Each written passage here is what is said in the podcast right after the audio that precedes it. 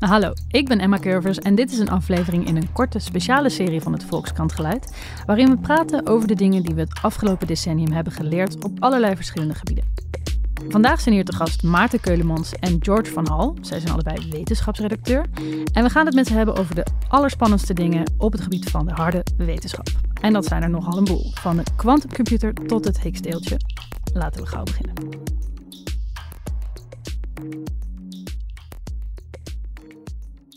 Eerst even meer in het algemeen. De afgelopen tien jaar op het gebied van de wetenschap. Hoe zouden jullie dat karakteriseren? George. Ja, eh, ik denk toch wel als een, uh, als een behoorlijk succesvolle periode. Um, dat is natuurlijk wel vaker zo. Hè? als je de afgelopen, weet ik het, 150 jaar pakt, uh, hebben eigenlijk elke tien jaar wel hele mooie stappen gezet. En dat, nou ja, dat zet voorlopig in elk geval gelukkig weer, weer door. Dat is een beetje de conclusie die ik zou trekken. Ja, ik weet niet of jij er anders over denkt. Maar... Nee, hetzelfde. Het grappige is als je gaat nadenken, wat we dus hebben gedaan voor de krant. Uh, dan ga je denken van, goh, de afgelopen tien jaar, wat is eigenlijk gebeurd? Het lijkt allemaal zo heel geleidelijk te gaan. Maar als je dan echt gaat nadenken, dan zie je van, wow, er zijn nu echt wel dingen heel anders hoor dan tien jaar geleden. We hebben echt wel dingen ontdekt en gevonden die tien jaar geleden echt nog volkomen ondenkbaar waren. En dat is echt heel tof. Ja, het waren, het waren bewogen jaren. Zeker. Meer dan die tijd er, ervoor. Maar mensen hebben altijd dat idee, toch? Ik, woon, ik leef in een hele spannende tijd. Weet je, maar dat is nu ook echt zo. Je hebt van die mensen die zeggen dan van ja, als je in de tijd had geleefd, als je een eeuw geleden had geleefd, dan, uh, dan had je misschien ook het idee gehad dat het allemaal razendsnel ging. De tijd dat de eerste stoommachines kwamen, de eerste auto's, uh, de paard en wagen verdween. Hmm. Weet je, ja, nu maken we ook van alles mee. En het is misschien wat minder zichtbaar, maar ja, tot je ineens beseft van wacht even, tien jaar geleden had ik nog geen smartphone. Hadden wij allemaal misschien nog helemaal geen smartphone. Nee. Dus, ja, want eh, terwijl je op de wetenschapsredactie zit, hè, dan zie je al die wetenschappelijke nieuwtjes gewoon één voor één binnendruppelen. En elke keer wordt er een klein stapje gezet. Maar het is echt als je dan zo'n zo'n grote periode pakt van tien jaar, dat je ineens ziet van, ah, er is toch wel echt heel veel, heel veel gebeurd en de ontwikkelingen zijn best wel snel gegaan. Ja. Um, Laten we even beginnen bij uh, George. Je hebt een stuk geschreven over uh, zwaartekrachtgolven. Uh, nou, nou is de wetenschap wel vaker een beetje abstract voor mij, maar in dit geval vond ik het wel heel abstract. Met een nieuwe techniek kunnen kunnen we sinds een jaar of vijf zwaartekrachtgolven meten in de kosmos. Um, wat meet ik dan precies? je, je, meet eigenlijk het, uh, het, het, trillen van ruimte en tijd. En daarvoor moet je terug naar de, uh, naar de ideeën van Einstein. Die, die heeft ooit bedacht dat nou ja, alles om ons heen rust eigenlijk op een soort kosmisch grafiekpapier. Uh, we leven niet in, in drie dimensies, hè, zoals we gewend zijn. boven, onder, voor, achter, links, rechts. Maar er hoort ook een tijddimensie bij, eerder, later. Samen noem je dat de ruimtetijd. En die blijkt te kunnen trillen. Dat had hij al uh, voorspeld. Ja. Um, hij dacht dat we dat nooit zouden kunnen meten. Dat is een heel klein effect. Um, maar dat kan toch. Uh, een aantal jaar geleden is dat voor het eerst gelukt. En uh, een van de manieren waarop dat dan gebeurt, waarop die ruimtetijdtrillingen worden veroorzaakt, is wanneer hele zware dingen op elkaar knallen.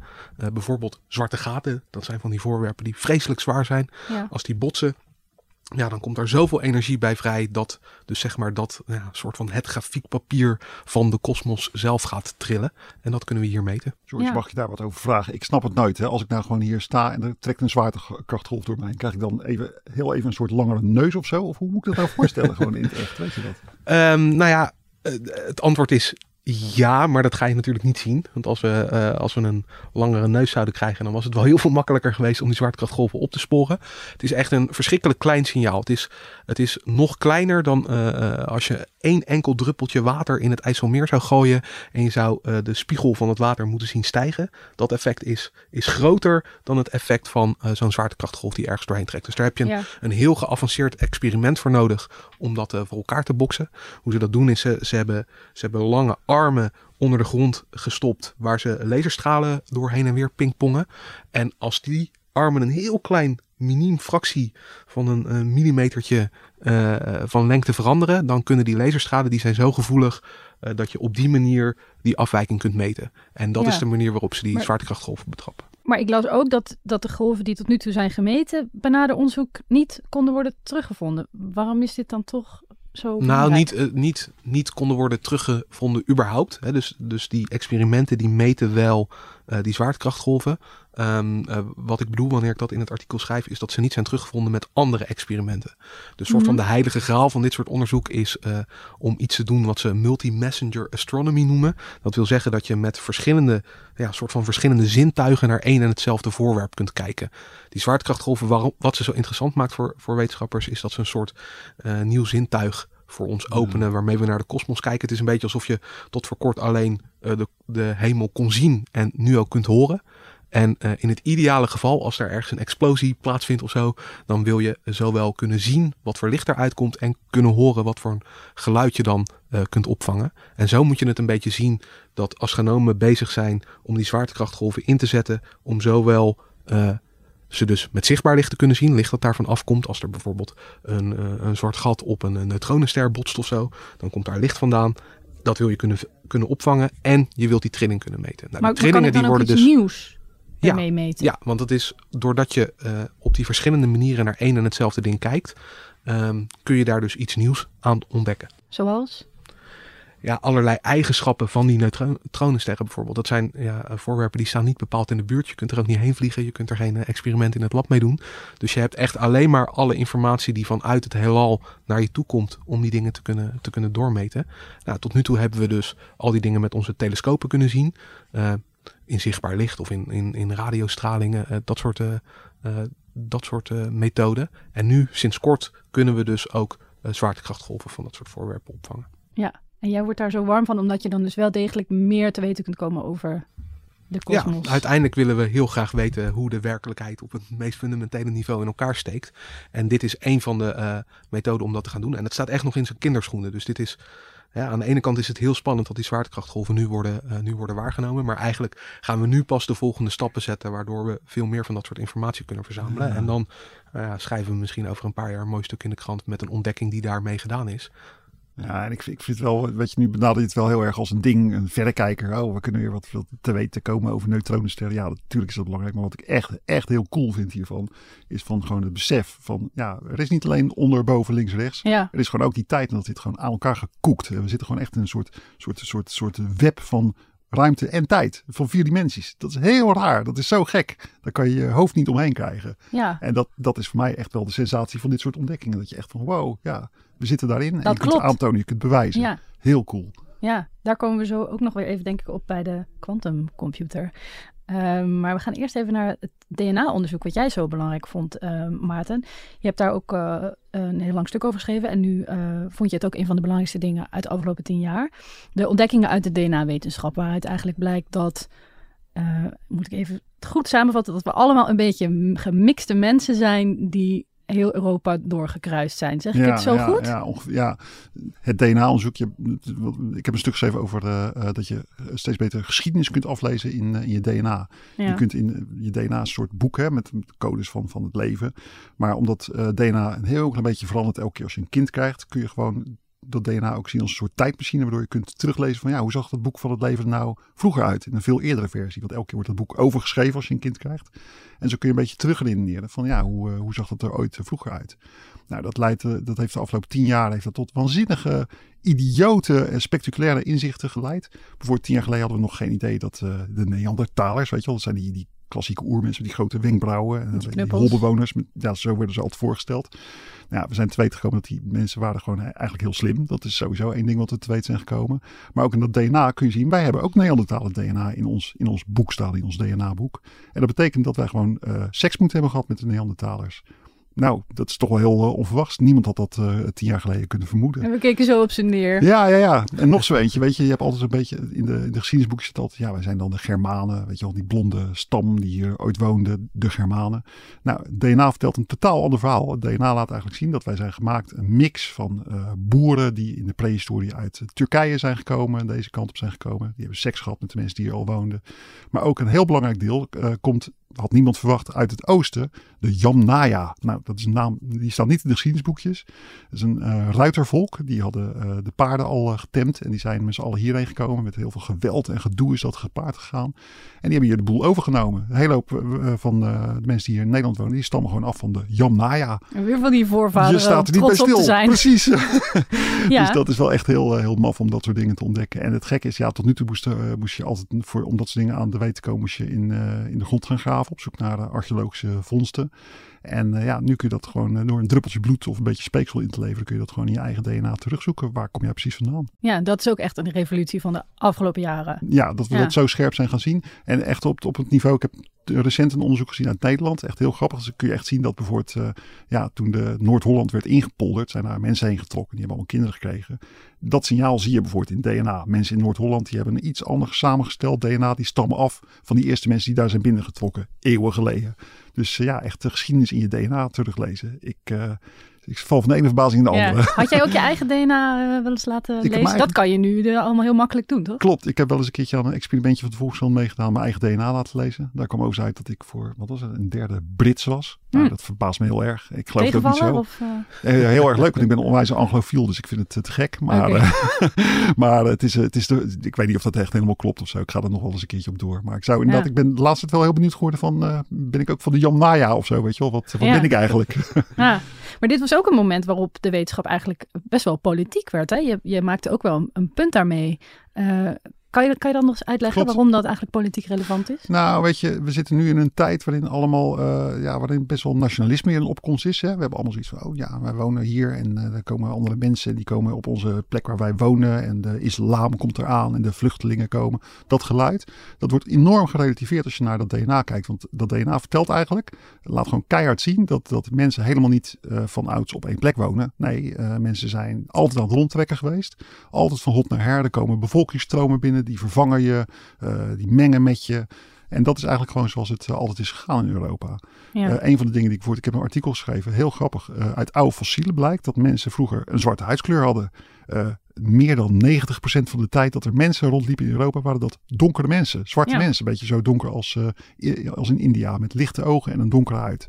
Nou, dat is een heel ontregelend inzicht voor, ja, weet je wel, mensen die het nou hebben over de zwarte piet discussie en allemaal. Dat, nee, dat is allemaal gemier op de vierkante millimeter. Als je het grote plaatje bekijkt, dan zie je gewoon, we zijn gewoon een, een, een multiculturele uh, smeltkroes. En de mensheid is dat gewoon ook altijd geweest. Zeker in Europa, wat gewoon een kruispunt is. Ja, uh, Europa is een soort uh, stationsplein van, van de wereld, weet je wel. Iedereen komt daar, daar langs lopen. Ja, het relativeert dus, het idee van die witte iedereen, Europeaan, die iedereen neukt echte met, Europeaan. Iedereen neukt met iedereen, iedereen krijgt kinderen met iedereen. En ja, dat is gewoon uh, ja, fantastisch uh, interessant eigenlijk om dat te beseffen. Ja, hartstikke mooi. En belangrijk. Ook dat. Um, ja, dan gaan we even nog naar het, uh, het Higgs-deeltje. Sjors, daar heb jij wel wat mee. Um, ja, jullie hebben er allebei vast wel wat mee. Uh, wat ik begrepen heb, is, is bewezen dat het model van de fundamentele deeltjes uit de jaren 60 is bewezen in de afgelopen jaren door de lieve mensen bij CERN in, ja. in 2012, toch? Ja. Uh, waarom is het zo belangrijk? Nou ja, je, je, moet je voorstellen, we zijn, we zijn um, als, uh, als mensheid en, en dan uh, vooral de natuurkundigen onder ons zijn al heel lang bezig om te proberen te snappen hoe de wereld nou op het meest fundamentele niveau in elkaar steekt. En dan heb ik het over het, het niveau van de elementaire deeltjes, dus de kleinste bouwstenen waaruit alles mm. om ons heen gebouwd is, uh, van de tafel waar we nu aan zitten tot wij zelf. En um, als je dat gedrag wil ontdekken, uh, dan kon je tot voor kort kon je dat eigenlijk bijna alleen maar doen op papier. Hè. Daar moest je gewoon goed over nadenken. En dan uh, kon je daar uh, regels voor opstellen en verzinnen en allerlei deeltjes voorspellen enzovoort. Um, alleen dat was heel moeilijk toetsbaar in experimenten. Daarvoor moet je hele krachtige machines bouwen, deeltjesversnellers die die deeltjes met waanzinnige snelheden op elkaar knallen, zodat je eens kunt gaan rondneuzen in de brokstukken die eruit komen van, ah, wat komt er nou eigenlijk uit? Um, uh, wat, wat is nou de manier waarop die allerkleinste wereld in elkaar steekt?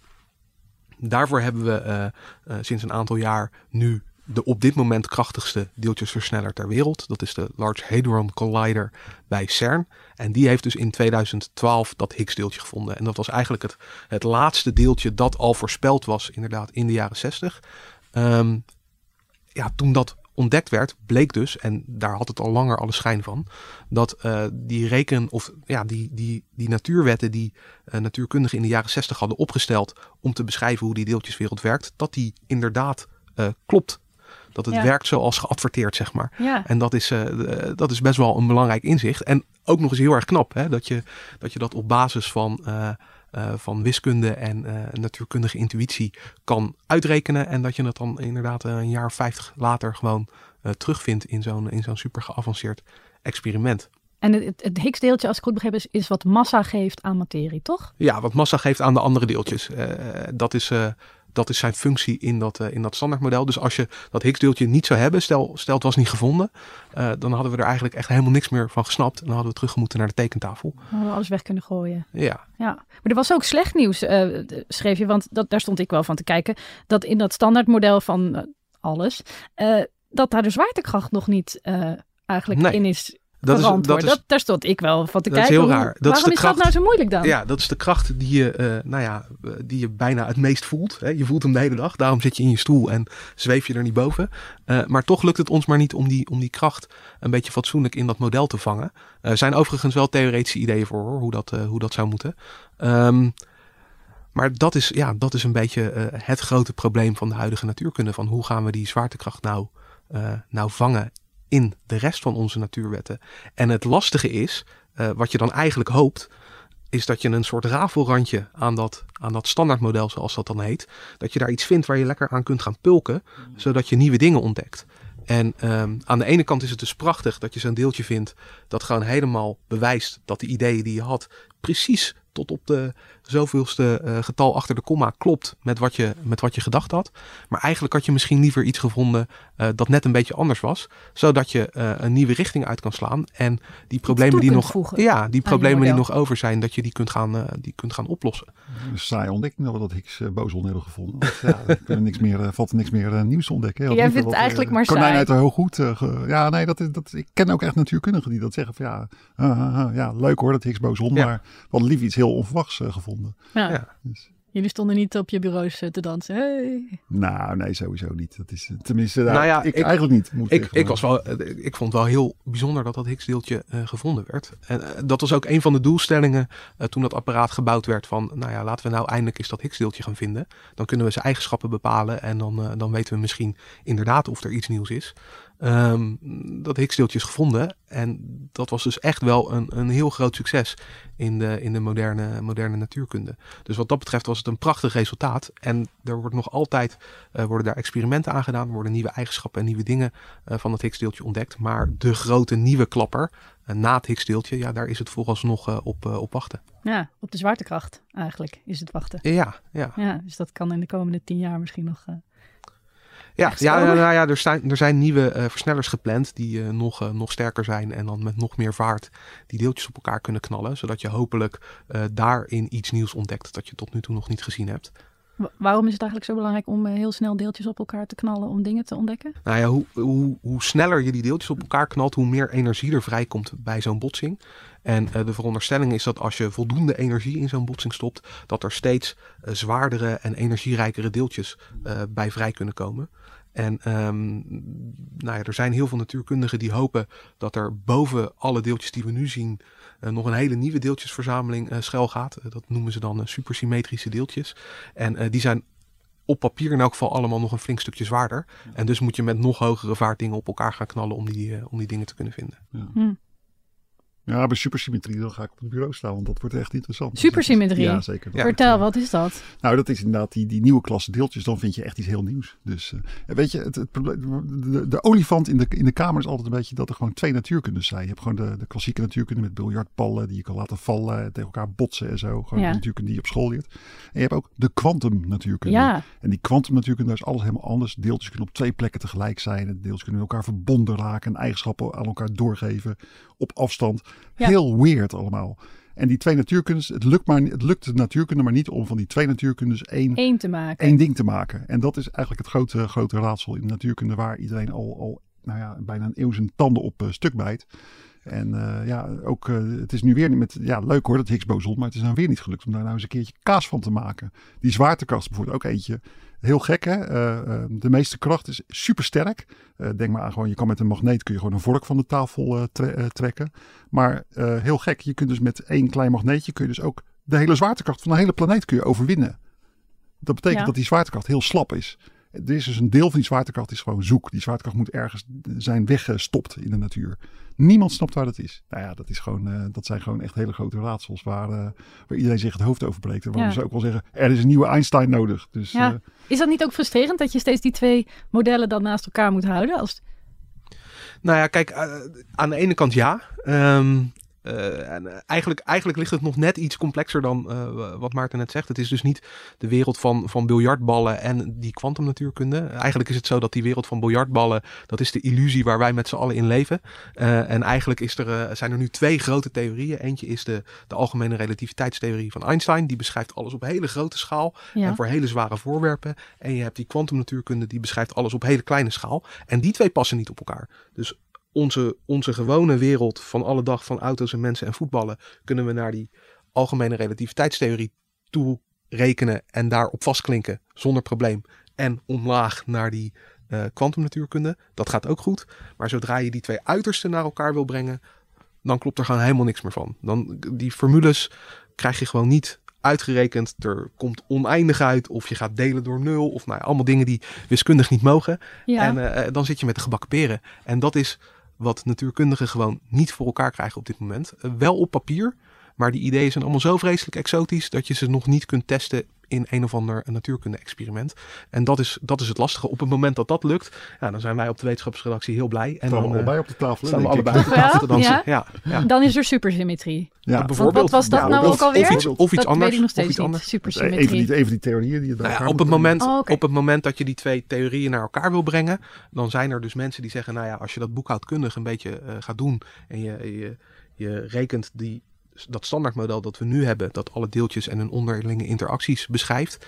Uh, en je gaat daar zwaartekracht in stoppen, dat kan, maar dan heb je uh, zoveel nieuwe deeltjes nodig, namelijk die supersymmetrische deeltjes. Dus als we die vinden, dan hebben we een stap gezet naar snappen hoe, hoe zwaartekracht precies in dat model vindt. Of hoe, hoe dat precies in dat model past. Ja. Maar dat is nog maar de vraag. Het kan ook gewoon iets compleets anders zijn waar uh, wat iemand nog moet bedenken hoe dat, hoe dat ja, precies werkt. En het kan zijn dat we ons hele leven die twee theorieën naast elkaar nog blijven ja, hoor. houden. Ja. George begint ook al op de we-vorm te praten. We ontdekken. We, hij wordt helemaal als, enthousiast. Als mensheid, hè? Als mensheid. We als mensheid. Spannend. Het is ook als, als luisteraars het konden zien hoe George hier zit te bewegen en te zwaaien ja. met zijn arm. Het is een schitterend gezicht. Ja.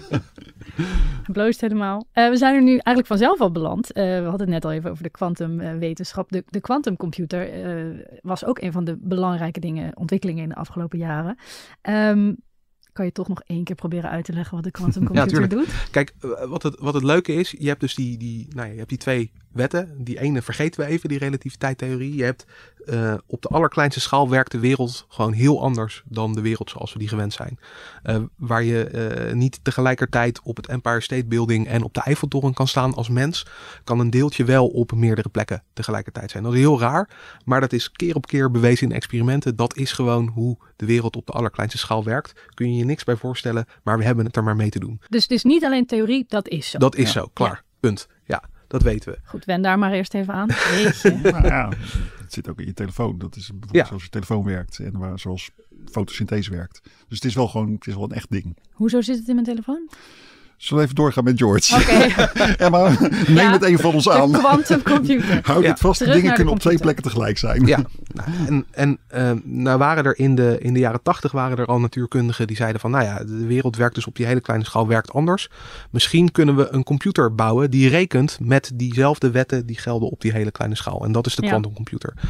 Nou, je kunt je dat een beetje voorstellen uh, dat dat misschien zou werken. Uh, wij rekenen met gewone computers rekenen we met bits, nullen en enen. Daar zit mm. alles van uh, kattenfilmpje op YouTube tot, uh, tot Microsoft Word. Alles zit, uh, schuilt die wereld van bits onder. Um, dan kun je ook quantumbits bedenken. net zoals een kwantumdeeltje op twee plekken tegelijkertijd kan zijn, kan zo'n quantumbit 0 en 1 tegelijkertijd zijn. Nou, dat is stap 1. Stap 2 is dat kwantumdingen kunnen ook nog met elkaar verbinden. Dus als je twee deeltjes hebt, die kunnen, dat heet dan verstrengelen dan ja, delen ze hun eigenschappen, kunnen ze ook een beetje met elkaar communiceren. Ook al hou je er eentje hier op aarde en zet je de ander op de maan, dan nog kunnen ze instantaan uh, merken ze iets van elkaars invloed. Uh, je kunt je voorstellen als je al die gekke quantum bits hebt die en 0 en 1 tegelijkertijd zijn en ook nog eens allemaal met elkaar in verbinding staan, dat je dat op de een of andere manier kunt uitbuiten om daar handig mee te rekenen. En dat is wat Ja. natuurkundigen proberen te doen met zo'n quantumcomputer. Die Ja, proberen dus die eigenschappen van die hele kleine wereld uit te buiten, handig te gebruiken om Ja. snelle berekeningen mee Het te is doen. eigenlijk een beetje alsof je een computer doe je in een soort donkere kamer. Je doet de deur dicht. En daarbinnen daar wordt het, blijft niet één computer, maar wordt het ineens heel veel computers tegelijk. Ja. Zo moet je het een beetje voorstellen. ja, dus ik kan gewoon bijvoorbeeld de consequenties van één actie in een heel complex model eh, berekenen. Bijvoorbeeld het menselijk lichaam. Ja. Toch? Dat is een van de mogelijke toepassingen, Ja. heb ik begrepen. Ja, eigenlijk, eigenlijk het eerlijke antwoord is: natuurkundigen weten het gewoon nog niet precies wat je met die quantumcomputer kan doen op het moment dat die straks gebouwd is. ja. Hè, er zijn eh, weer andere mensen die zich daar elke dag mee bezighouden. Van, nou ja, hoe zou quantum software er in de toekomst nou precies uit gaan zien? Ehm, maar daar proberen de meeste mensen die die dingen bouwen zich dan weer niet al te veel zorgen over te maken. En gewoon maar eens te zorgen dat het werkt. Ehm, En dat is gelukt. Hè? Want En dat is gelukt. En dat is- straks, maar dat is ja, nu al. en dat is, dat is nu juist het spannende. Dus eh, als je kijkt naar 20 jaar geleden, toen begonnen de eerste mensen enkele van dit soort quantum bits, qubits noem je dat dan, te bouwen in het lab. Hm. En daarna heel voorzichtig een paar aan elkaar te knopen.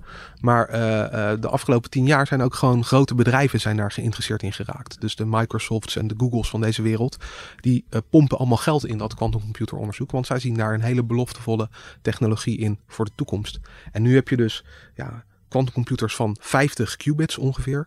Eh, die daadwerkelijk berekeningen kunnen uitvoeren. Wat is 50 qubits? Wat bedoel Nou ja, kijk, als je een computer hebt van 50 bits, eh, dat stelt nog niet zoveel voor. En eh, dit is een quantumcomputer van 50 qubits. Dat stelt dan op papier in, in verhouding met de quantumcomputer die je ooit hoopt te bouwen ook nog niet zoveel voor. Maar doordat, ehm, doordat je die qubits, ja, die gekke quantum superkrachten hebben, kun je met die 50 qubits nu al meer dan dat je met de snelste supercomputer kan die we ergens in een kamer eh, Hm. hebben staan. En dat is dus de bijzondere prestatie. Dat is de grens waar we afgelopen jaar, in elk geval volgens Google, eh, overheen gestapt zijn. Dat voor het eerst zo'n quantumcomputer van hun sneller rekent dan de snelste supercomputer voor een beperkte toepassing. Dat dan weer wel. Ja. En wat is dan bijvoorbeeld een, een toepassing daarvan?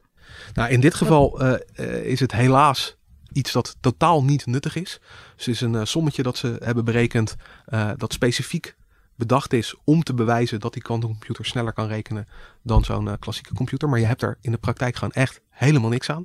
Ehm, in de toekomst moet dat nuttige dingen gaan opleveren. En dan kom je weer op het vraagstuk dat we eigenlijk niet zo goed weten wat je er dan mee kan. Maar waar de meeste mensen het over eens zijn is één, quantumcomputers kunnen op termijn al onze versleutelde informatie gaan kraken. Dus alles wat nu met versleuteling ergens in een database ligt, kun je in de toekomst met een quantumcomputer kun je daar moeiteloos bij. Nou, is iets om ons alvast zorgen over te maken. Ja, dus daar moeten we een soort eh, verdedigingswal tegen gaan opwerpen. Nou, diezelfde mensen zijn ook bezig met manieren te bedenken waarop je die versleuteling ook eh, geschikt kan maken voor een toekomstige quantumcomputer.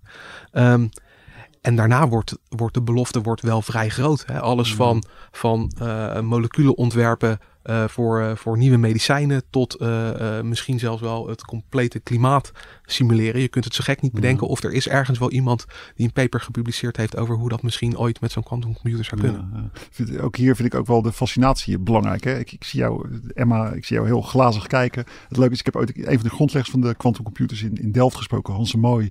En toen vroeg ik over, hoe werkt het nou? Hoe werkt het nou? Hij zei, nou, ik heb, ik heb, we hebben geen idee wat het nou precies, hoe dat nou precies werkt met dat kwantumverstrengelen en dat op twee plekken. Dat weten we, stappen we gewoon niet. Maar ja, het werkt. En dat vind ik echt heel tof. Die, die, die gekke ingenieurs zijn er gewoon in geslaagd om iets wat je gewoon totaal niet snapt in een, in een computer te stoppen, daar sommen mee te maken. Ja, dat is toch wel echt heel, eh, ik vind dat zo fascinerend. Ja, en tegelijkertijd maakt het, eh, weet je wel, we zitten nu op het punt waarop die technologie zo ontwikkeld wordt. Maar als, eh, eh, als jij s'avonds je telefoon pakt, zit je je ook niet af te vragen hoe die van binnen nou precies werkt. Terwijl dat weet je ook niet. Nou, Nee. misschien wel.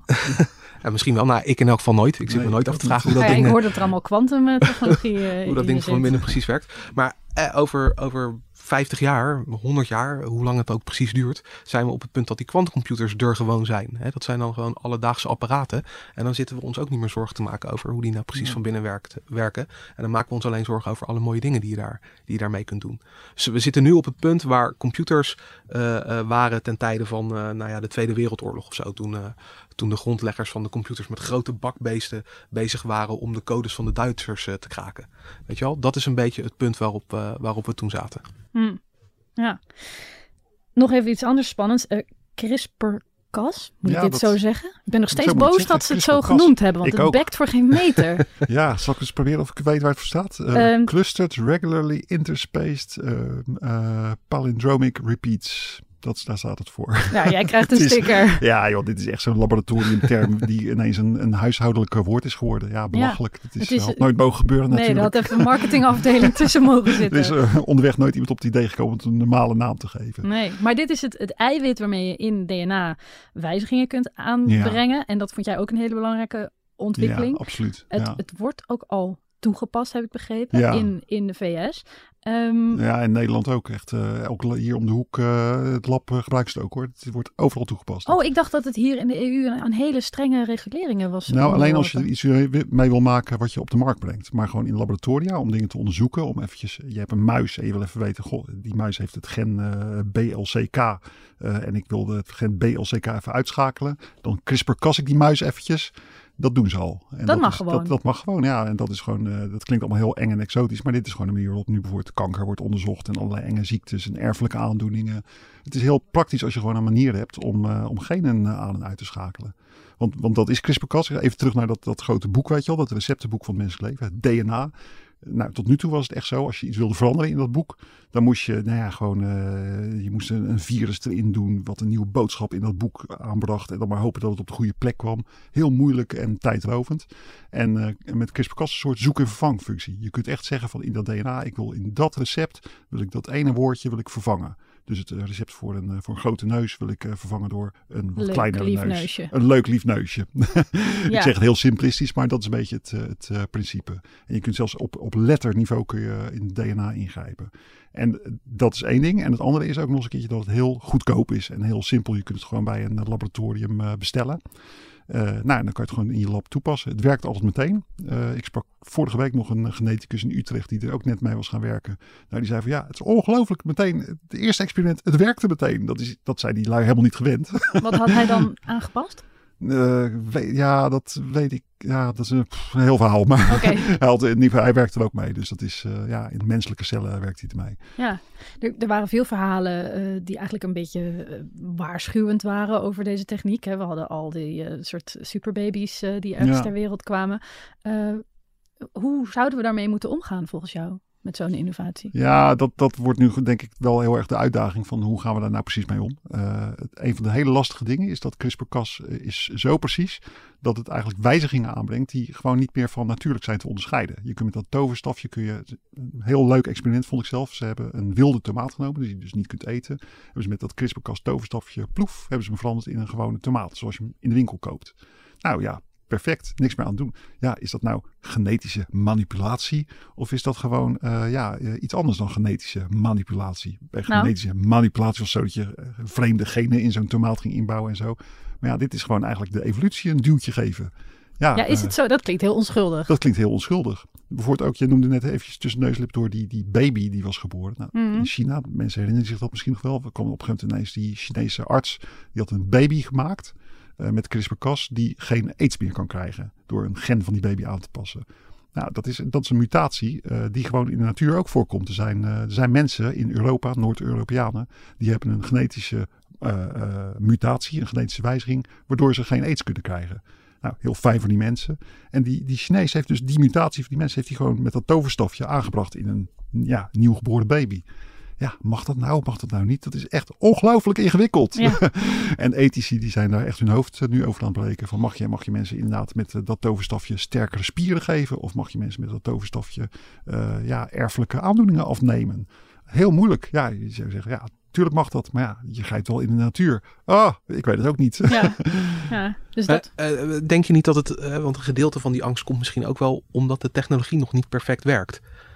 Eh, dat is nog niet aangetoond. hè. Er zijn ook eh, ja, toch wel een beetje onrustgevende berichten dat het eh, misschien kanker zou kunnen veroorzaken op het moment dat je dat eh, in, het, eh, in het DNA gaat doen. Als dat knipje net niet op de goede plek zit en je knipt een, een gen door dat, eh, eh, dat eigenlijk belangrijk was, dan ben je veel verder van huis dan eh, voordat je ging, eh, ging CRISPR-kassen.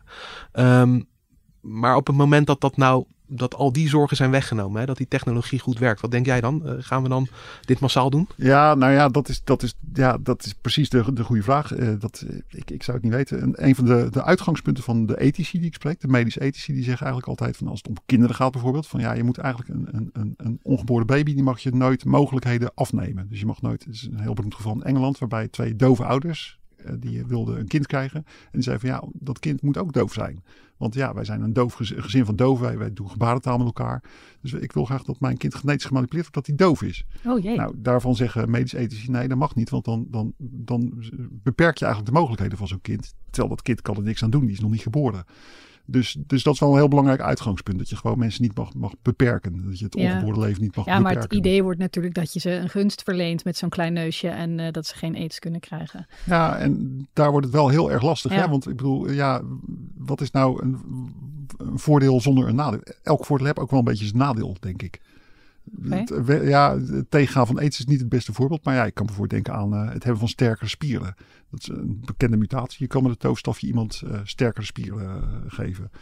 Ja, is dat nou altijd wel een voordeel? Dan loop je helemaal gespierd rond als een soort dikbil koe, weet je wel. Ja, is dat nou wel zo leuk? Ik weet niet. Dat, misschien is dat ook wel heel vervelend. Of je zal maar net in een samenleving zitten waar het helemaal niet, niet zo populair Je zal een vrouw zijn. Dan loop je helemaal gespierd, loop je daar zo rond. Misschien vind je dat helemaal niet leuk. Misschien, Misschien wil je mooi, mooi tenger zijn. Ja. Zou jij het willen, Emma? Uh, nou ja, ik, ik ben al geschapen, dus ik kan niet meer gekrisperkast worden, toch? Je bent al gespierd. Uh, nee, ik bedoel, ik ben er al, toch? Ik ja. kan niet meer in mij knip. Ja. Um, we gaan even naar het slot, want uh, aan het begin hadden we het even over de afgelopen tien jaar in de wetenschap. Sjors, jij zei uh, hartstikke mooie, weergaloze ontdekkingen gedaan, maar het zijn ook misschien wel de tien jaar geweest waarin de wetenschap best wel een deuk heeft opgelopen. Daar heb jij ook over geschreven, Maarten. In 2011 uh, bleek uh, aan de Universiteit van Tilburg een heleboel mis te zijn gegaan. Uh, minstens 58 publicaties bleken gebaseerd op verzonnen gegevens. Diederik Stapel. Diederik Stapel. Um, en de wetenschap moest opnieuw worden opgebouwd, schreef ja. jij. Is dat eigenlijk echt gebeurd? Um, ja, voor een deel denk ik wel. Um, uh, de wetenschap is wel heel erg bij zichzelf gaan nadenken. Er zijn allemaal nieuwe regels opgesteld, nieuwe gedragscodes en afspraken van, van we gaan voortaan onze wetenschap, we gaan onze, onze, onze onderzoeksgegevens gaan we openbaar maken, op internet zetten. Dus dat soort initiatieven zijn echt wel geweest. En uh, er is nog heel hoop, is nog mis hoor. Uh, wat, wat een beetje de zorg was. Uh, tien jaar geleden bleek dat je gewoon, à la Diederik Stapel, je kon gewoon onderzoek doen. Een beetje gegevens verzinnen en frauderen. Wat natuurlijk helemaal niet de bedoeling is. En dan vervolgens uh, gebeurt het niet dat je collega's zeiden van... hé, hey, die gegevens van jou die kloppen eigenlijk helemaal niet. Ik vertrouw het niet. Nee, je collega's zeiden van... wat knap van die Diederik Stapel zegt. Wat kan die goed onderzoek doen. Fantastisch. heeft hij alweer uh, iets uh, moois ontdekt. Er was heel weinig kritisch vermogen. En geen controle. Geen controle. Te weinig controle inderdaad. En dat is wel een beetje aan het veranderen. de wetenschap kijkt nu heel erg bijvoorbeeld naar de genetica... naar de klimaatwetenschappen, naar de natuurkunde ook. Dat zijn vakgebieden waar eigenlijk de personen niet meer zo te doen. Het is niet meer kleine koninkjes met, met rijkjes, maar dat zijn hele grote onderzoeksconglomeraten van honderden onderzoekers die allemaal een heel klein stukje bijdragen aan het onderzoek en met elkaar van tevoren afspreken van nou oké, we gaan dit onderzoeken en pas als we uh, dit dat uh, aan, aan, statistische uh, gegevens binnen hebben, dan gaan we het pas publiceren. Ja, dat soort afspraken, dat wordt heel erg de toekomst. Het wordt wat minder gewoon van, weet je wel, een solist, uh, de, de, wetenschapper die in zijn eentje sol, als solist mooie dingen ontdekt, maar veel meer gewoon een team wat een soort fabriekswerk uh, levert, zeg maar. Ja, en toch schreef jij dat die bevinding dat het meeste onderzoek niet klopt, nog steeds zou gelden. Ja, dat zou best wel eens kunnen. Waarom en, moeten we dan toch op de wetenschap vertrouwen? Uh, nou, omdat ik denk eigenlijk dat de wetenschap het beste is wat we hebben. Zo, zo simpel is het. En uh, de wetenschap is gewoon een systeem, weet je wel. De wetenschap, je moet zeker niet denken van, oh, wetenschap is een soort, soort tovermachine die alsmaar ontdekkingen en revoluties en doorbraken en geneesmiddelen tegen kanker uitscheidt. Nee, je moet wetenschap zien als een soort machine die telkens bezig is vragen te stellen. En telkens te, kijkt of je de werkelijkheid weer een beetje beter kan begrijpen door nog eens een keertje te vragen. En dan ga je het Higgs-boson zoeken en dan vind je het, oh shit, dan moeten we weer wat nieuws bedenken om te bevragen. Dat is wetenschap. En uh, dat blijft wetenschap. En dat op dit moment de meeste ontdekkingen misschien wel ja, onjuist zijn. dat is heel erg verontrustend en heel erg vervelend. Ja. Maar ik sprak bijvoorbeeld ook een hoogleraar, uh, uh, ja, hoe zeg je dat, onderzoeksethiek.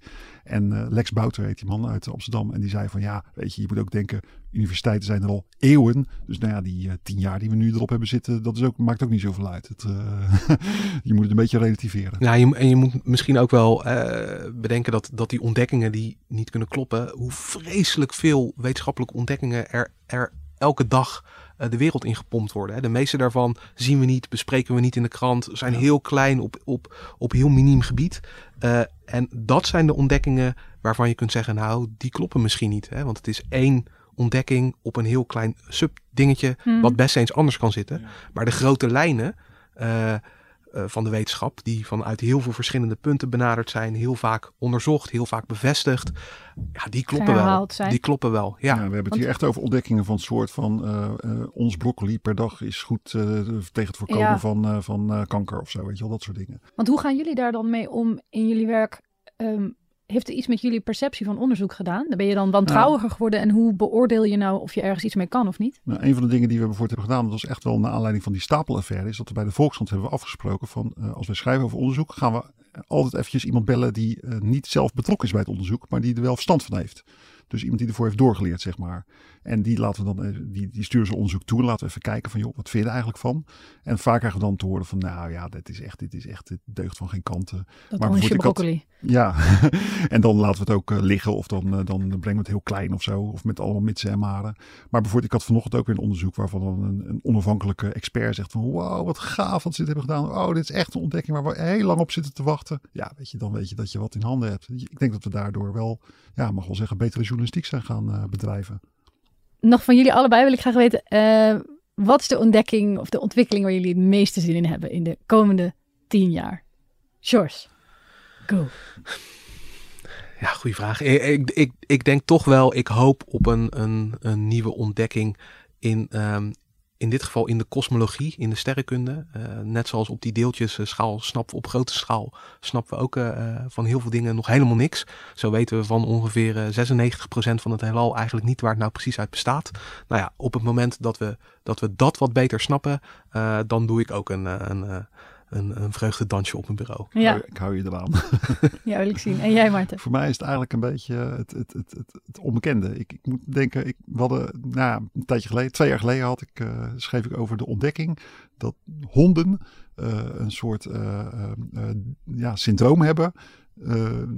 honden zijn eigenlijk wolven met een soort syndroom waardoor ze puppyachtiger zijn totaal maffe, gekke ontdekking. Ja. ja. dat soort wonderlijke ontdekkingen. Ja, ik hoop daar nog heel veel die totaal niet ziet aankomen, totaal niet verwacht dingen die worden opgegraven, ontdekt in het DNA. Ik kan er niet op wachten. Heerlijk. Ja, juist dat je het niet weet. Ja, precies. Dat is het grote onbekende. Dat is het toffe van wetenschap ook. Zeker. Oké, dankjewel Maarten en George.